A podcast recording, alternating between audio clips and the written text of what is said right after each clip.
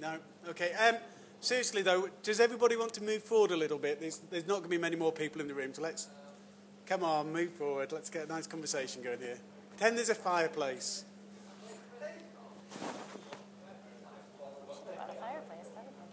This room is freezing. Inside. Yeah, if nothing else, we'll get each other's like, kinda body like heat. a little bit of uh, heat coming from that thing. I don't know.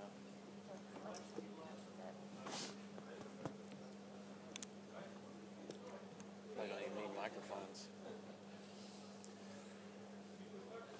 Could we have the, um, the roving microphone right from the start, please?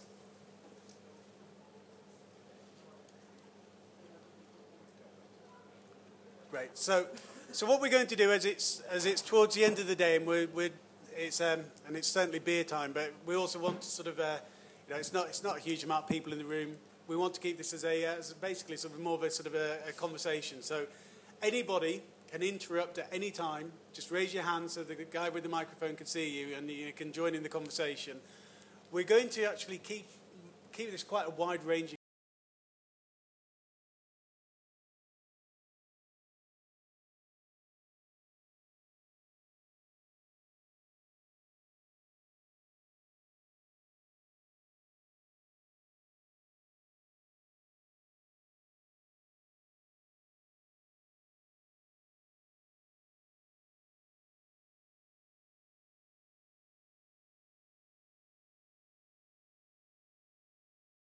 At Ziggo, which is the largest cable operator in Holland.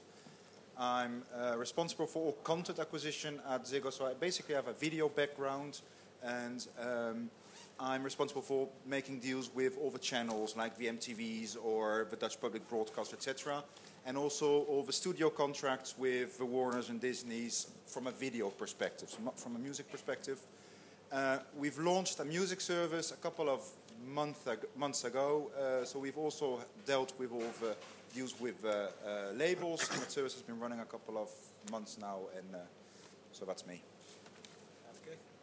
Uh, I'm Robby Towns. I'm actually based in Nashville, Tennessee. I do strate- strategic consulting for music companies, so that could be just uh, for a record label managing the process of you know, coming up with a strategy for them, building a website, or doing some type of development work, um, or also even uh, marketing agencies and uh, PR firms and things of that nature, uh, as well as doing a lot of uh, research and reporting and analysis on just music industry trends, uh, more digitally focused overall.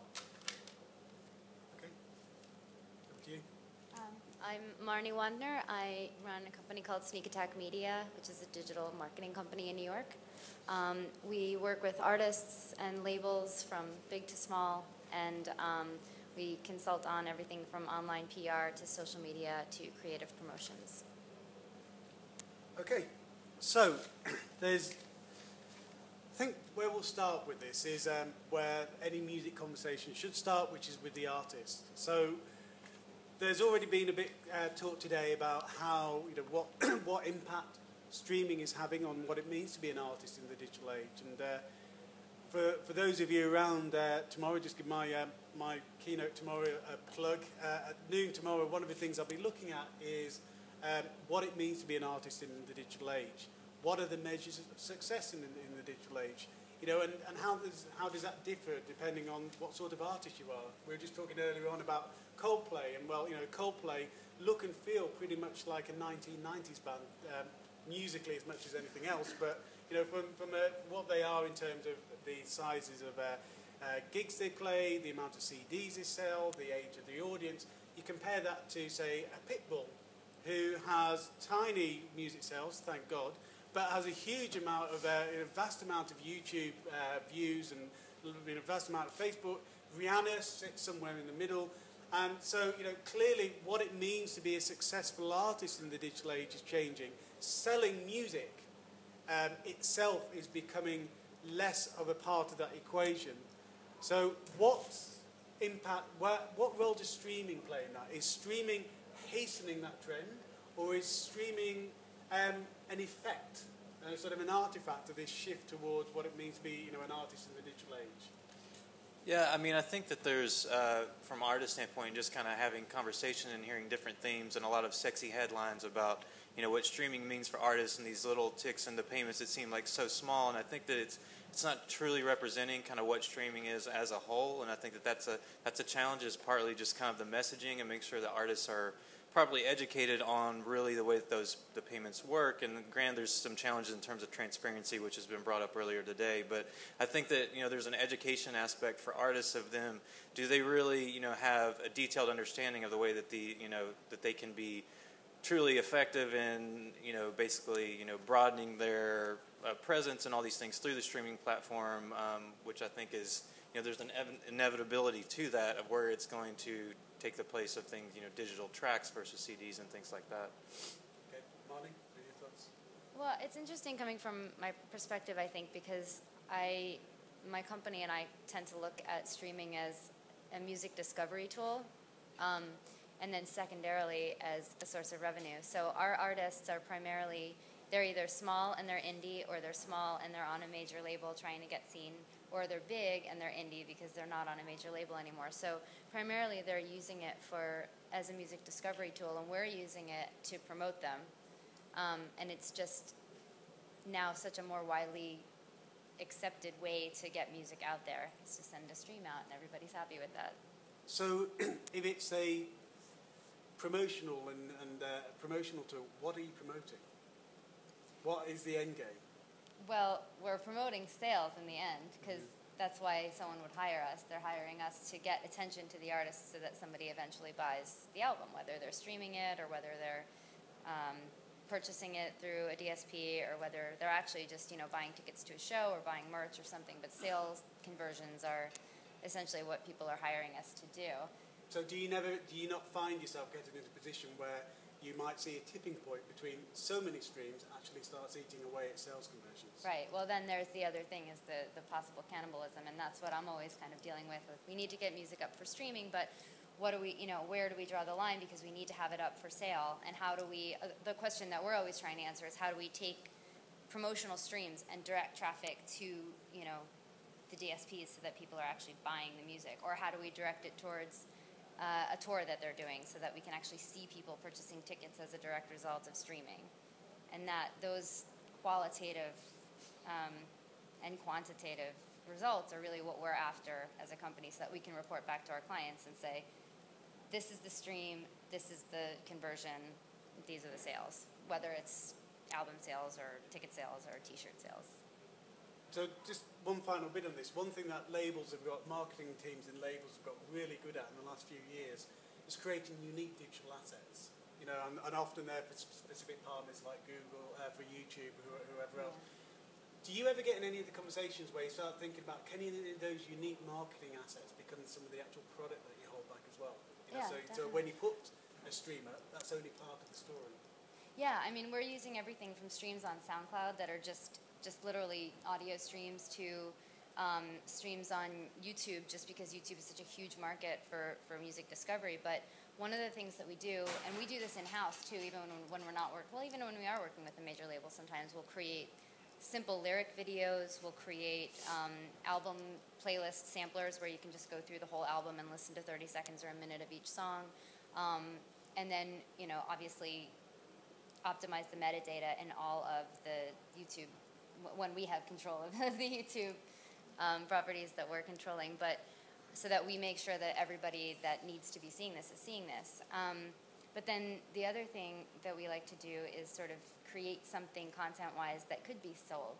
So maybe if we're doing, I mean, it's a little bit off topic, but doing a remix contest or something, or doing a fan-generated video. So we'll do a lot of fan fan-generated content promotions where they're submitting things through Instagram, or maybe they're submitting um, you know, a video of them interpreting the song. We did a really interesting one for Ani DiFranco, um, who's, you know, a super political artist, and she made a very political, another very political record. And um, we had fans do a number of different things to get involved, but what we did was we had them submit um, photos representing what they thought represented a visual aspect of her song, Which Side Are You On? and then we edited it together into a video, and we actually premiered it on a very political website to make a, a new promotional tool. But we could have actually sold that as part of a package, and we've done that in the past too, or we give it back to the label and then they repackage it and sell it. So, and with fan-generated stuff, it's a little tricky with that, but it's, it's definitely something that you can do. Okay. Um, how much do you think your your when you're talking about a music proposition, how much are they interested in having something which is marketing versus consumption? You know, are they just they just in a mindset of wanting to press play and have music pumped to them that's probably going to meet their tastes? Are they going to want some curation and to be guided through it? Or are they going to want, you know, how are they going to feel about feeling like they're being given just a taster so that they then have to go somewhere else to complete the music journey? Well, that, that last question is a different business case. Uh, which is something we can talk about. But uh, in answer to your first question, um, I think it's the middle one. It needs to be curated. Now, you, uh, we've had a, small conversation uh, a little bit earlier, and uh, also this, this forum, I think it was called first uh, ISP, police, partner, or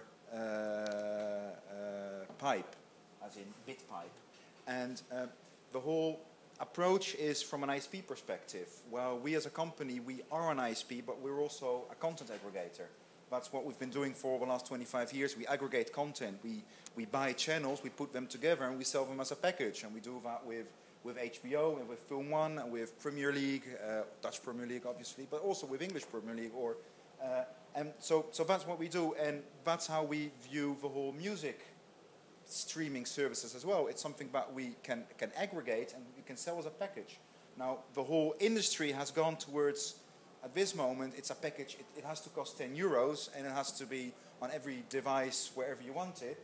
And so there's actually no more aggregation possible. The only aggregation that you can do is that, well, you can do an exclusive deal with, with ACDC or whoever, or whoever, and then you have some, some well, you, you couldn't even call it aggregation actually, but you have something different than another one. Um, but uh, back to the point, the whole point of aggregation is that you, you, you offer, well, a, a, too much uh, amount of content at a certain point, but you have to curate it. You have to be, you have to guide the customer to uh, to actually what's available. You have to help him browse. You have to help him find it. And if you don't do that, you're never going to be able to aggregate content because everybody can aggregate. Everybody can do that. And the trick is actually to to to be the aggregator about customers, you know, where they actually find what they are looking for and what they like, etc. Okay. Um, is anybody in the audience an artist? One. Okay. Two. Okay. So let's just put the mic first of all to the gentleman at the back.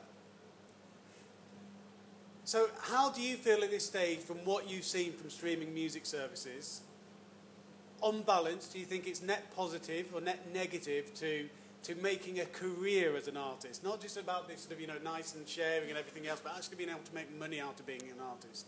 Uh, we're uh, a children's act uh, that's not performing, so we, we, have to generate our sales, uh, our income out of uh, physical sales and, uh, and, digital sales. And we've been on the internet, on YouTube, on Spotify, etc., for about two and a half years, and by now we've reached a point where, where we generate money from that.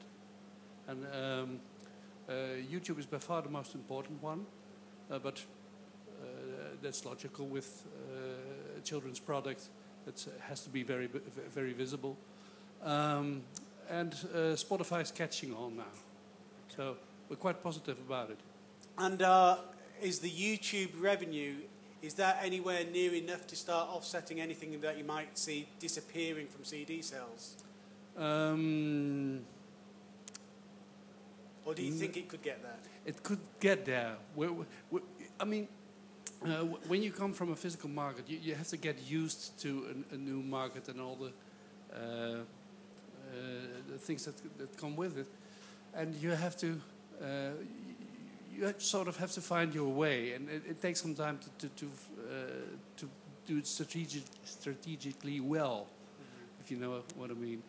Um, it, that took us one, one and a half year. And uh, since then, we're making a profit out of it. And at, at the moment we're specifically making product for YouTube and making a product that we only uh, that we solely gonna, gonna sell on the internet. Right. Okay. Interesting. Uh, one of the gentlemen here. No. No. Okay. so Um, is there, are there any artist managers here? Yes. So, Gas is um, pretty much the same question to you. For, for the artists or artists that you manage, what's your view of streaming? Is it net positive, net negative at the moment, in terms of how it affects? They're not there else? yet. Okay. And They're is that a decision yet, not so- to be there? Huh?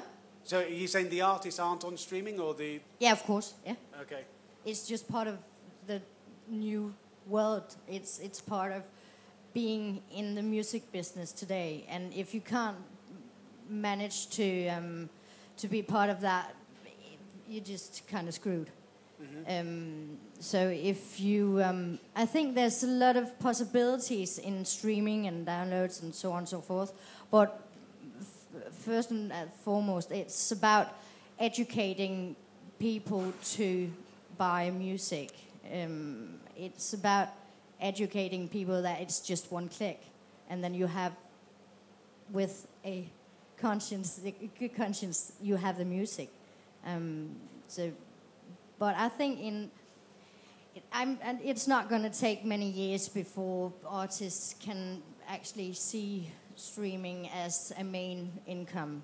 Um, Do you, at this stage, do, do, do any of your artists feel that they're reaching new audiences because of streaming? Of course, as uh, as Moni said, it's it's just it's a search machine, and you get new music from your friends and from your family, and discover. It's it's a discovery machine, and that's um, that's pretty much it. And So would it be fair to say then that your artists feel that they have a, a bigger presence and more people are exposed to their music as a direct result of streaming? yeah, I think so. Yeah. Okay. because it, it is a platform where you can reach people that you wouldn't reach otherwise necessarily. So Okay. yeah, So, so Marni, to bring back to you then. So, you know, you're seeing it predominantly at the moment as a as a marketing discovery tool. What happens when we get to a stage, whether it's you know a year, two years from now, where it's the main consumption platform as well? What has to change then when it's it's also it's the journey and the des- destination all rolled into one? Right. How does that affect it from a market artist marketing perspective? Well, it's interesting because I feel like then we're going back to kind of before when we were trying to convince labels to give us MP3s for downloads, and that was the only way. And no blog would post your song unless it was for free download. And they counteracted with, well, we'll give you a 30 second snippet, or we'll give you a watermarked, an audio watermarked download, which nobody wanted. But I feel like we're kind of going to be having to go back there because now the streaming that we're using to promote is the product. Yeah. So we're going to probably encounter, okay, well, we'll give you 30 seconds to stream, or we'll give you a watermark to stream. So I think um, I think we're going to have to just be really be more creative with what we use for promotional, and maybe that's companies like ours creating stuff that's actually being used for, for promotional items, or maybe it's just bypassing the stream of the song altogether and just going straight to the video um, which sometimes we do now anyway. If there's a video ready before we're going to send the song out as a teaser, we'll just send the video because we'd rather somebody stream it on a, a platform that's potentially going to get some revenue for the band, and then get the attention through a music discovery service like YouTube through a video, and then kind of just use that as the promotional tool. Do you use a lot of like deluxe packages in combination with you know promotional and marketing, where it's like, you know, I mean, because there's been a big trend and it has been for you know several years now. I mean, Radiohead and uh, Nine Inch Nails are kind of at the forefront of it, but you know, and have you seen where that can potentially offset some of the like just standard CD sales declining and things like that? I mean. Because that's what that's the kind of user I am. I mean, I'm Spotify and then I buy vinyl. Right. You know. That's so, exactly yeah, it. That's, yeah. And I mean, because we're not the label, we're the third party. We can advise on what we think would make a great package. Yeah, what would be a good fit for that specific artist? Yeah. but we have seen that. I mean, with like Florence and the Machine, we've seen um, the the packets that she sells, you know, do very very well because people want the vinyl and the CD and the T-shirt and the ticket to the show, and they probably already have it, even if they bought it digitally on iTunes, or they probably are streaming it on Spotify already. But they want the experience, and and you know, even when we work, we do a little bit of that when we work with um, Bandsintown because now they have the specials feature where you can actually make a package and so we can sell something we can just advise the artist hey maybe you should sell instead of just a ticket sell a t-shirt sell a poster sell, sell a cd So, so there's, there's a bigger issue here about sort of um, artists having to develop quite sophisticated revenue streams and you know different businesses uh, online. Is there a situation emerging where gentleman at the back of the room earlier on was explaining how he's you know beginning to make meaningful profits out of YouTube now, and you know there's a lot of artists who are able to monetize YouTube directly. And that's obviously something which most artists, unless you're a Lars Ulrich, you're not really going to be able to do with Spotify. You know, and that model might change. You know, we've had, you know, ACDC might be going that route as well. But apart from the legacy artists who've got a uniquely strong um, position to, to come from, um, Robert, do you think at all that the we could see a situation somewhere down the years where the audio streaming services become democratized and become a direct-to-fan platform, you know, sort of in inverted commas, in the way that YouTube has become? Yeah, I mean, I think that, you know, for artists, and especially when we're talking about not your kind of marquee like an ACDC that have already this massive fan base and tons of leverage to kind of do whatever they want. They go to any kind of platform or new kind of, you know, sexy tool or whatever. It's something's there's going to be traction there. But you're talking about, you know, your kind of your startup bands and your mid-tier bands. I think that one of the biggest challenges right now, and it was kind of alluded to by um, the, the lady who was speaking in the audience, of is like that balance of how much time you're going to spend when you know that currently the these platforms aren't going to generate because you need dollars, you need dollars to cash through the door. So I think that there's an ine- inevitability to what you're speaking to, but the timing of that is extremely difficult, and there's really no kind of silver silver bullet or anything like that to, to say whether or not should really be focused more on. You know, I mean, the Netherlands is still a very physical heavy country. And so for artists that are growing here, even though we saw statistics today about massive growth, still in comparison to the total market, that's relatively small. I mean, just a few years ago, the Netherlands was roughly, according to IFPI's numbers, was like 90-10 in terms of physical and digital split. So for bands that are here, I mean, I think they still you still have to be geared around CDs and vinyl and those things. Uh, but you have to be watching these indicators. And so I think that every artist and kind of artist manager now, in a way, you know, it's a very different industry, and you have to be savvy and tech savvy, industry savvy, business trend savvy in a way that's very different and unique. And so you have to just kind of be looking for, you know, what's going to be that barometer to shift and point the needle to, okay, now this is not just a promotional tool. This is now becoming a not, you know, it's more of an actual uh, commerce vehicle as well. So one of the interesting things about comparing YouTube to, uh, to other uh, streaming services, it's almost got sort of like multiple personalities because you know on the one hand, there's uh, you have record labels continually putting in takedown notices, and then there's all issues about how many takedown notices you're allowed to issue and how quickly it happens, and uh, but then you've got um, uh, artists being able to make meaningful money directly from, uh, from their own channels. And then when you look at it, I'll just like uh, pull some numbers out. When you look at the amount of money that an artist gets paid out for a YouTube stream compared to a paid Spotify stream, a YouTube stream is six times less valuable to a performer, songwriter, artist than a paid Spotify stream, assuming that they get paid in the same way by the label you know, across both of those platforms. So you've got this sort of, you know, it's like almost like conflicted role that YouTube's played, where on one hand it's got all these great tools which make people see it being incredibly valuable, yet in terms of devaluing music, it's actually playing a worse role at that than you know where Spotify is, and yet where all of the artist ire is aimed against the big streaming services. So um, I'm going to ask this question to, to the audience. Okay, we've already. I got one question on that because I think uh, YouTube uh, gives quite good uh, YouTube give quite good tools on, on, on data and on statistics to uh, to the artists or to the labels. Yeah. And I think that's uh, quite interesting, uh, especially on, on the marketing side uh, as well, so that uh, artists can help yeah, find their audience and, and perhaps go to, to places that, that they didn't go before to, to perform live. So, so yeah, so is, is the price of being able to have great tools having to accept that you get paid six times less well than you would on Spotify. No. Um, yes, question. Normally you would pay for uh, uh. Yes. And now you get, you get paid a little bit. Okay.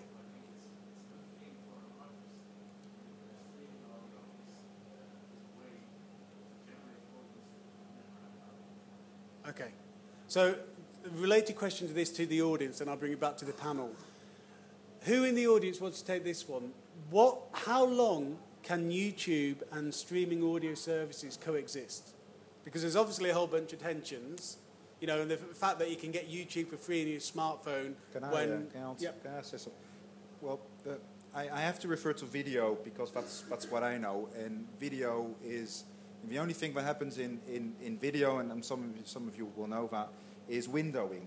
First, it's in the, in the theater, and then it comes on a pay TV platform, on VOD or DVD, and it gets on and it take, gets taken off. And that's like the essence of it, but it's not available all the time. And that's what makes actually the platform less or more valuable.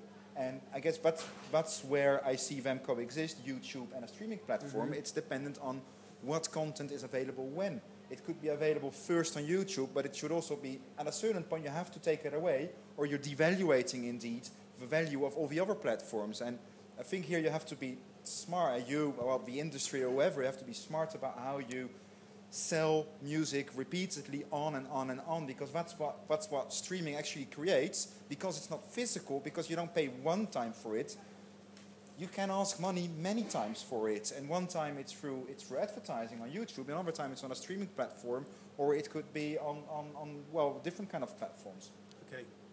I also have a question about the difference between, because if you're talking, sorry, No, it- if you're talking about um, different platforms that you're streaming on, obviously YouTube pays so much less if, if you're talking about equal equal payment. But if, if, it, if it's an artist that has so many more plays on YouTube than it does on Spotify, does it eventually equal out, or is it still devalued because you're essentially getting paid less per play? Well, that, yeah, I mean, when you talk, talk about the scale, YouTube has clearly got vastly more scale, which is why artists are seen in terms of the actual amount of money that the check is being written for is larger. Just because even though the multiples are smaller in terms of the, you know, the actual royalties per play, the vast amount of people using it means the scale means, yes, it's more money now. But, yeah. but per play, Yeah, exactly. it's And the size, I mean, just to put it in context, YouTube is so vastly just ginormous in comparison to all the other streaming, Spotify, Grooveshark, which people don't like to talk about here, uh, but all those other combined. And essentially, if streaming was this entire room, YouTube would be virtually from back there all the way up to this stage, and maybe a bit further, and all the other streaming services would fit in on this stage. So, I mean, it, yeah, it kind of becomes whether it's you get to a point where it's kind of a necessary evil, but the scalability of it and just the, m- I mean, four billion hits a day. That was that's that, that statistic's a bit dated. You might have one that's more current, but I mean that is it's just not even. So you have to you have to deal with it where it is right now. Yeah. Okay, so you, you had a comment. One of the issues. Oh, thank you. I think one of the issues for artists um, today is that there there isn't really an alternative. If you're not on Spotify or if you're not streaming your music, you just kind of you're not out there and you're not able to, you know, show the world your music. Um, so, what's the alternative?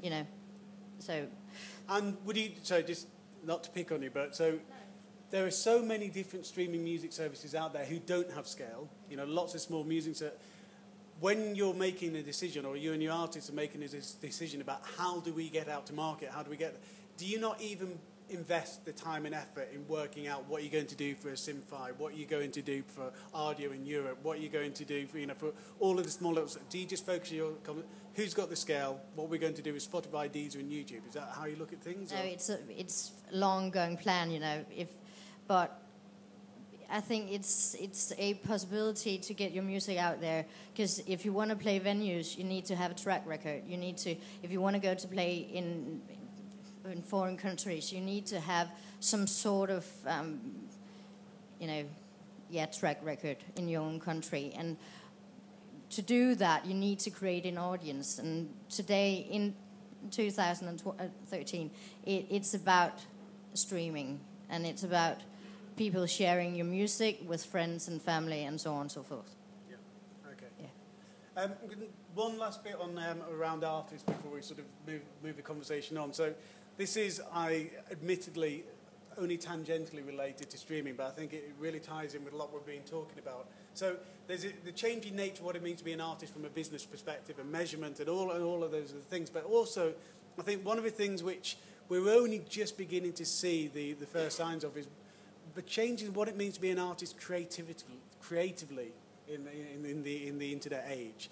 You know, and whether that's you know, simply as running a remix competition, you know, as a promotional tool, or the artists who get much more involved, like an Imogen Heap, who will uh, crowdsource sounds for her for her tracks and do live writing sessions, webcasts, and having people contributing. You know. So, what? How do we? Yeah, how do we think that that is going to change? Is it going to remain that sort of bringing the audience into the creative process? Is that going to remain the uh, the domain of sort of uh, niche, really quirky, left field, highly creative artists, or is that something that could seep more towards the mainstream? What do you thought? I think it's going to get bigger because people are already expecting, fans are already expecting it. They're already expecting, well, how am I going to get involved? And how am I involved in the conversation? Just even by, I mean, just to go even more off topic, but even, even just, just from social media, they just expect to be involved. So when, when the album comes around, and I mean, especially with things like Pledge Music and Kickstarter too, it's just, there's an expected thing already. And when I speak to students and people that are, you know, of that age that you're kind of always wanting to know if they buy music and why they buy music, they, they always answer with, I buy music when I feel a connection to the artist, when I've gotten involved somehow. So that's kind of an extreme way of helping them actually create what they're creating, but it's going to, I just think it's going to get bigger. I mean, and mainstream artists can do it. I mean, Taylor Swift has used the remix app to get all her fans. To do, you know, so if Taylor Swift can do it. I mean, it's kind of just a social norm. You just think about like the way that people just interact and like creating content. Everyone, people are probably creating a ton of content in this room right now during during this panel, uh, tweeting or you know Instagram and on and on. And so, I, pardon. Panel remix. Yeah, panel remix. That would be hot. That'd be a hot track. Uh, uh, but uh, I think that yeah, it will become more just kind of widespread, mainstream indie, uh, because it's just the way that people now just live. You just, we just that's just the way that people live day to day, and it's just something that it just makes sense. Whether it's a you know a marquee artist, a major artist like Taylor Swift, or it's someone who's just like I need to figure out something just so someone will listen to you know my first EP. You know, and maybe that's just going to be their friends on Facebook to start with, or you know a few people that way. But yeah, I just I don't see that. I see it just like uh, Marni said, just gaining more momentum, becoming you know even more of a way that just people you know talk. And it is a part of marketing meetings and that kind of thing now. But I think it'll just it's gonna if anything just become more of a staple of the way that people operate.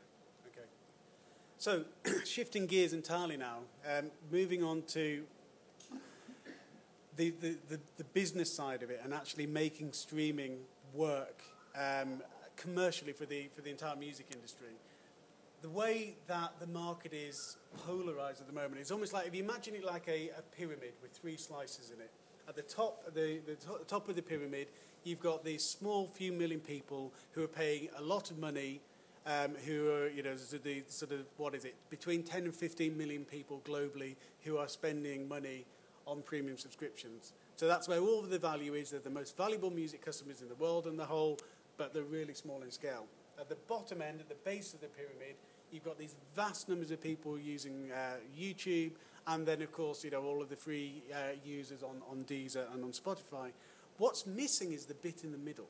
You know, the bit in, what can be the, you know, the, the best balance? How can you get people to spend or part with meaningful amounts of cash on a monthly basis who don't actually want to spend a lot of money and, you know, and therefore hopefully get it towards a scale? So it's about how you can make music feel like free or close to free. And this is one of the, uh, I'm sure you can feel the questions coming your way on this. It's sort of one of the, the things which people have been speaking about for years is the role of telcos. Surely ISPs can do it. Surely ISPs, all they need to do is put on a couple of you know euros onto the monthly bill, get a music service in there, and suddenly you're going to have hundreds of millions of people paying for music. It's clearly not worked. We clearly can't get the amount of money that record labels need in wholesale rates versus what ISPs feel that they can charge. And that's, you know, there are a few exceptions.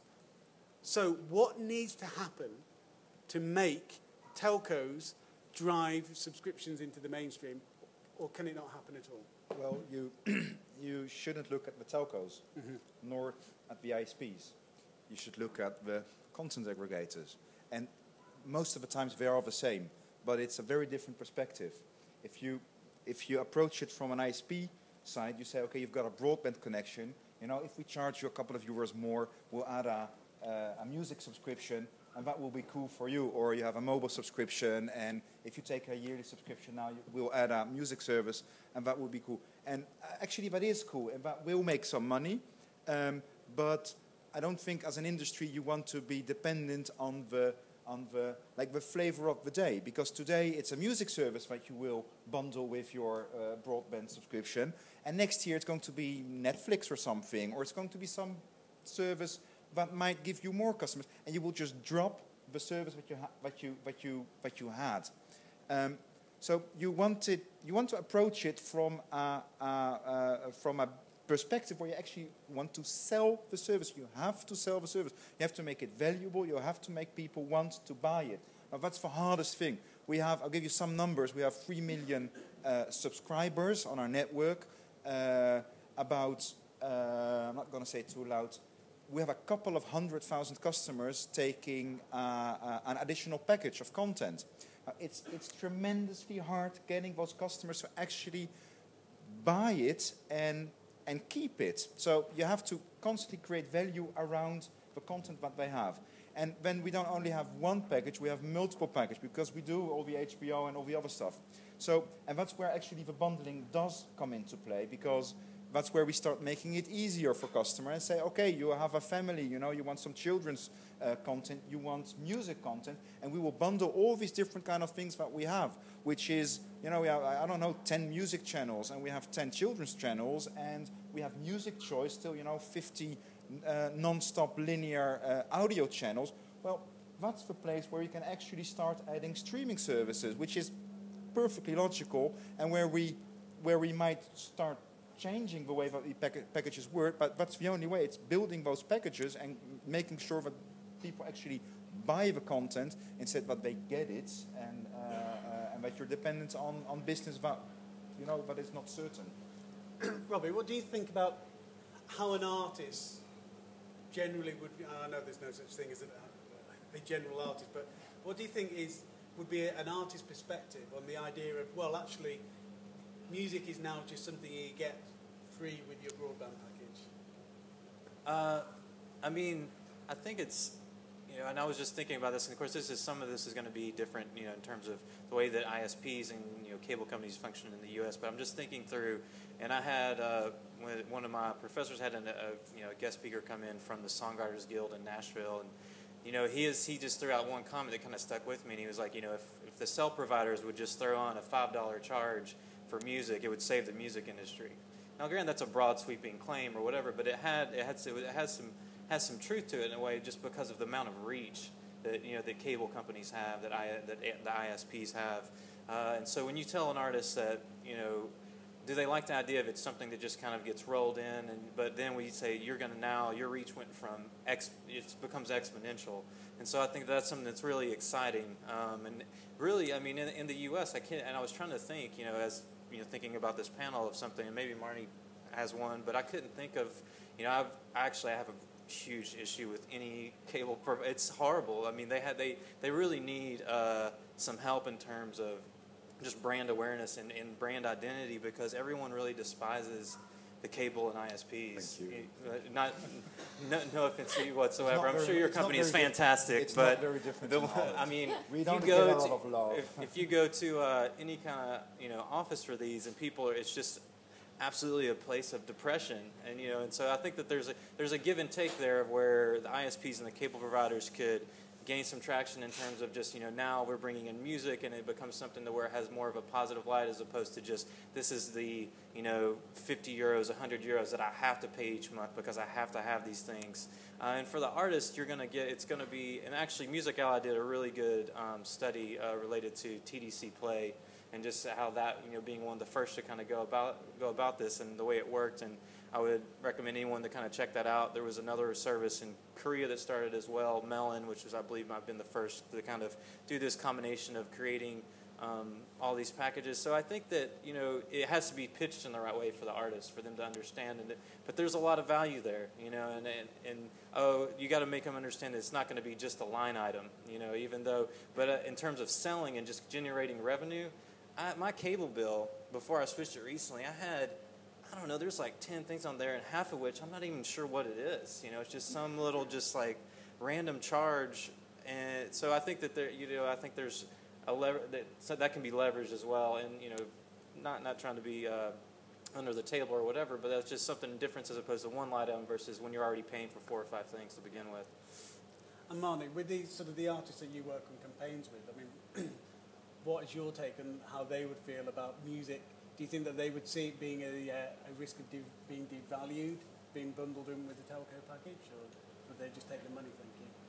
It depends on who. Like you said, there's not one general artist, and even our artists are so diverse. So there are some artists that we work with that they wouldn't go for that, even if they would make money, because they can't stand the thought of being lumped into something and, like you said, being devalued and having somebody not making the choice to go out, seek them out, buy their album, share it with friends. And then there are some artists that would say, go for it. If it's going to make us money, we'll do that and we'll concentrate our efforts on making really great content to drive people to it. But I think regardless, it's, it just, it, it depends on what the content is. And the artists know that sometimes. But, you know, it's all about, and then the other thing for, for me, I would think that the artists that I work with would say is, well, how, yes, I might make money off of it, but how are people even going to know that I'm on there? What's, how is it being presented? And is there some sort of curating process going on where every month it's this, this kind of music month or this is highlighted? Or is there any kind of pulled out, almost editorial thing that's highlighting what's going on? And that way, that might be more valuable to them. So that touches on a really interesting dynamic about streaming, which is in the days of people buying albums, it's the artist brand which counts. People didn't value the brand of the retailer much. It's the artist brand. I'm going to buy this album by this artist. And even, you know, in the download stores as well, to, you know, to a degree that is still the case. Streaming service, it's all about the brand of the streaming service. Because when you've got access to all the music in the world, Spotify becomes a brand, Deezer becomes the brand. And so not only does it become harder to discover because there's so much choice that there's effectively no choice at all, because there's such a vast quantity of music, not only on the services but coming to the services, then the artist, you know, for, for any artist to be heard, not only is it twice as hard, it's also not what the services are about.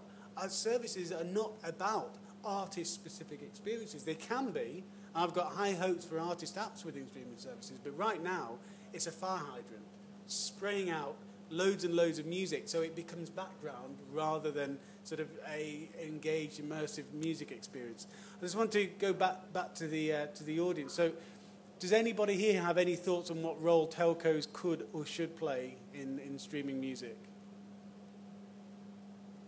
Gentleman at the back. Well, uh, at least it seems to work in Sweden, where Spotify comes from, and they.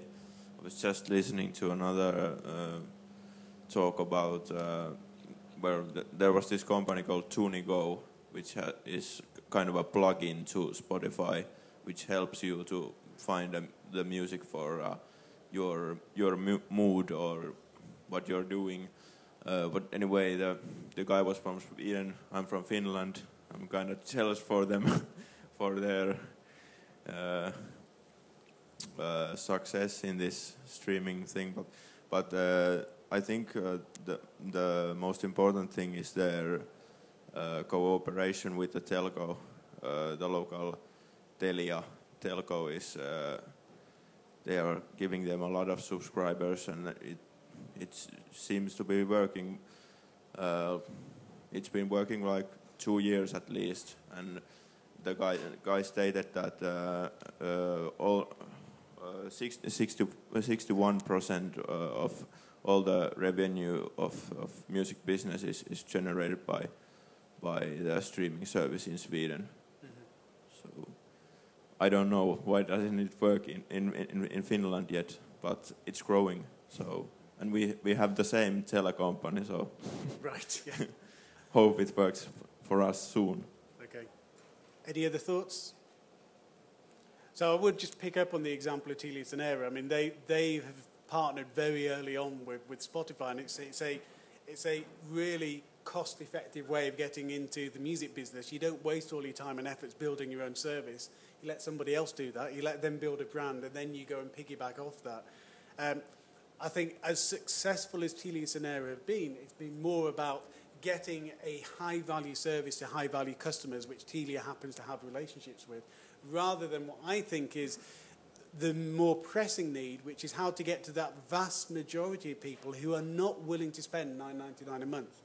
Just um, in the UK, the average spend of the top 10% of music buyers, so you know the, the very top 10% is about £10 a month. So the very top tier of music buyers, the total they spend is the equivalent of a music subscription. So at the very best, what you're doing is you're taking away all the spend from all the other stuff. And the very worst, what you're doing is you're pricing music subscriptions completely out of not just the mainstream, but the majority of music buyers. And music buyers, by the way, are not the mainstream. The mainstream don't buy music at all. Not because they're pirating, it just doesn't matter that much to them. So if music services are ever going to go to, to, to you know, to critical mass, I mean, personally, I think it's got to be, and it's impossible to make this work from a business perspective at the moment. I think sub three euros, pound, dollars, whichever you know currency, local currency you're in, is what has got to be the end point for the customer. Now that probably means other people are going to have to make ways of hiding some of that cost elsewhere in the business. But at the moment, the only people I can see making a serious play of this, apart from the telcos, and let's say they're not going to do anything anytime soon, is auto. You know, and when you start thinking about if somebody's buying a new car, then the fraction of the cost of a new car for two years subscription to Spotify is so small.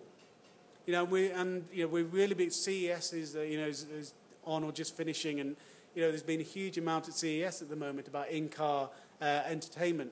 I think that really has to be. If there is a way to make subscriptions go mainstream, it's by getting them into new cars, so that when people pay for the cars, unlimited music for the lifetime of the, the car, and it's going to be way less than they would pay to have a walnut dashboard as opposed to, you know, a, a, a vinyl one. So um, let's move on to sort of you know, the, the last bit of this, which is streaming coexisting with all the other parts of. Yes, sorry. Go on. It's just regarding um, how you get consumers to spend money on premium uh, subscription. It's just i have just been wondering because we grew up, probably all of us grew up with um, having to buy a physical copy of a CD or vinyl to listen to music. Um, but kids today don't. They can download it. They can and so on and so forth. So, in my mind, it would be, um,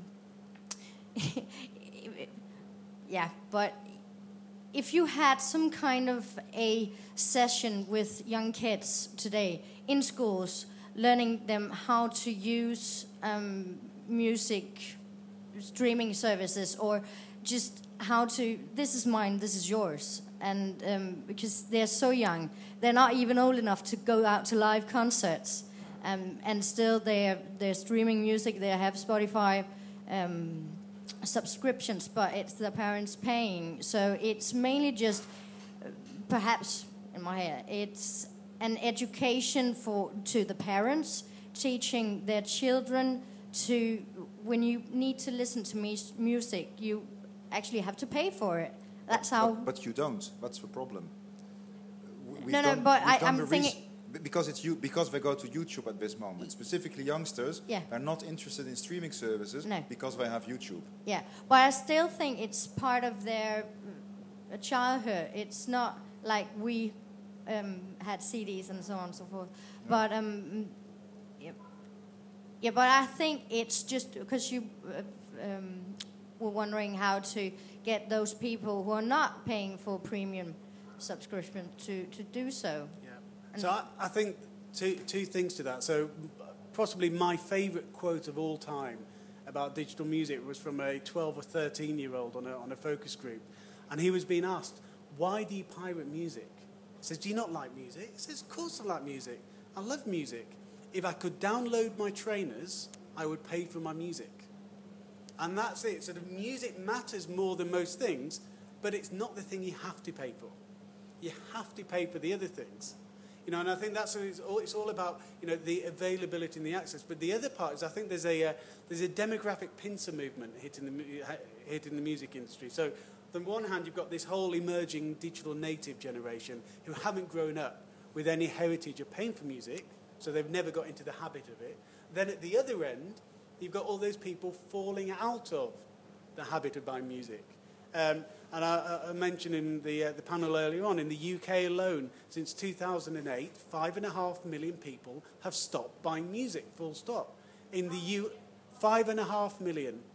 You know, uh, so you look at it, round about a fifth of the UK music buying population is stopped. Now that's not people so much going to piracy. This is people who, they're the ones who are putting their CD player that was in the living room into storage because they don't use it much anymore. And, you know, so, so what that always happened, you always had, you know, you, music buying has two, two lines. One is the older you get, the less interested you're in from music, but the more money you've got. And, you know, and the, the critical point is where those two lines overlap. Now what's happening, you normally had a younger generation coming in who'd start buying music and start pushing, you know, the, the revenues forward. So you always have an equilibrium. Because that younger generation isn't coming in, you're feeling the effects of that older generation going out. So clearly music matters to them as much as ever, and there are ways that they're spending money. You know, they're using their parents' uh, iTunes cards. They're using, well, small numbers of them are using BBM Music. They're, but there's arguably got to be a lot more done to get in, you know, the young generation. So what about in a streaming context? Say, for example, a two euro tier streaming music that was specifically for people under the age of 16. You know, or, you know, I think you know, th- th- those are the sorts. That's the sort of thinking which I think you need if you're going to have a genuinely strong chance of pulling in that next generation of digital youth. It's it's got to be. You can't just be saying you must do the same as everybody older than you because you look at the mobile phone market. Okay, so you know, mobile phone market, they know exactly how to price and package products at young consumers who don't have credit cards, who don't have a large amount of disposable income. There's a huge amount of lessons can be learned there.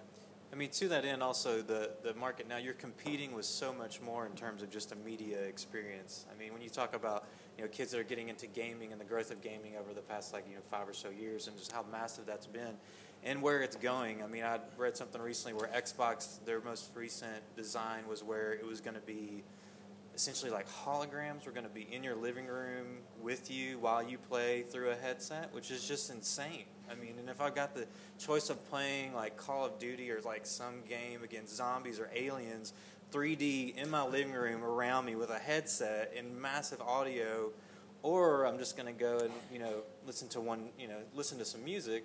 I mean, culturally, we're de- dealing with such a different state because it used to be culturally that's what you did. You would go over to people's houses, and everyone would sit at a record player, and they every, they would have the record, and they all just sit around and listen to it. I mean, that was a cultural experience, and that was just what people did. It's like, oh, come over to my place and listen to some records.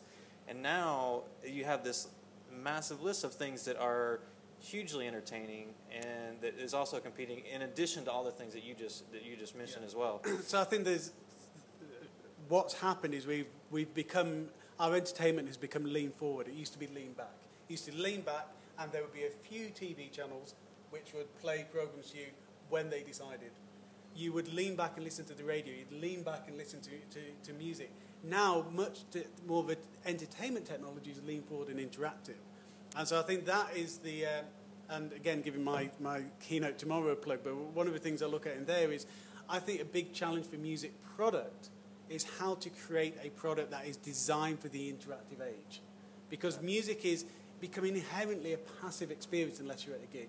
You know, or unless you're, you know, one of the few percent of people who you know, spend all the time on sort of, you know, music discovery apps and services. For the mainstream, it's not. And yet, the devices which we're carrying around now are interactive multimedia devices. You know, I think this like the, you know, the iPad and uh, you know smartphones to some degree are like 21st century portals. You know, so the, the, the 20th century portals had to be on your computer because the internet was chained to your computer. But now we've got these devices which you know remove the internet from the chains of the PC, and you can go everywhere. And they become context aware, they become place aware, they become time aware, they become socially aware. So you can have all of these experiences, whether it's augmented reality, whether it's uh, games, uh, you know, with uh, uh, Bluetooth, whatever it might be. All of these things which mean that the device plays as an important role in the content experience as the content within it.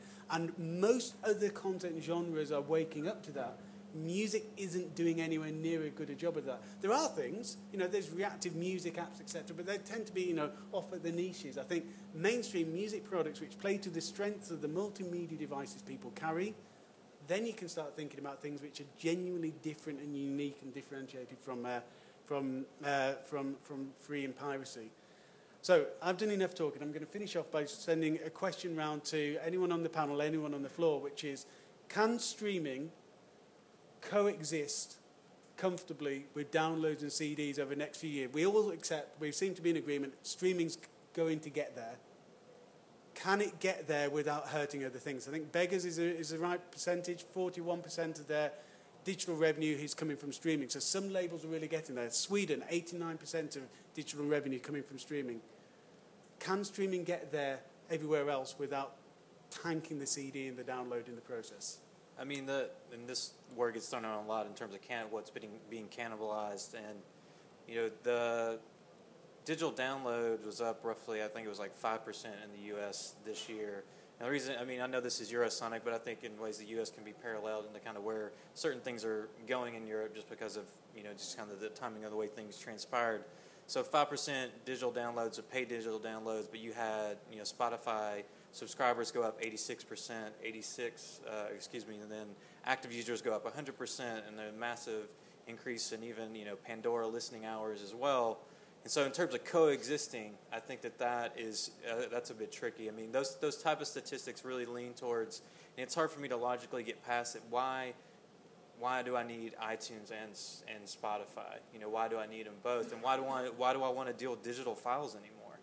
or why you know for me i mean granted i'm not necessarily the general typical user but and i think just broadly speaking why would you why do you need them both i mean if you can justify why you need both of digital downloads and the streaming then maybe there's something there of them coexisting over the next few years but it seems more like it's going to be pushing pushing out it's more so maybe in my, my opinion digital downloads as opposed to cds um, i mean everyone knows that cds are you know going down but demographically you know, there's different people who want physical product versus just something that's going to be online. So I don't know that that coexistence is going to take place smoothly. Anyone in the audience have thoughts? Come on, one of the big contentious issues of the day. Someone must have a thought. Mars, you put in on your glasses to answer. No, I was thinking of uh, what I read this morning that Amazon was. I read this morning an article that Amazon uh, is uh, going to introduce something that people uh, that buy a CD or buy an album or have bought that in in the past, uh, they automatically get a digital file uh, of that as well in the cloud locker. So it seems that things are coming in that way uh, together.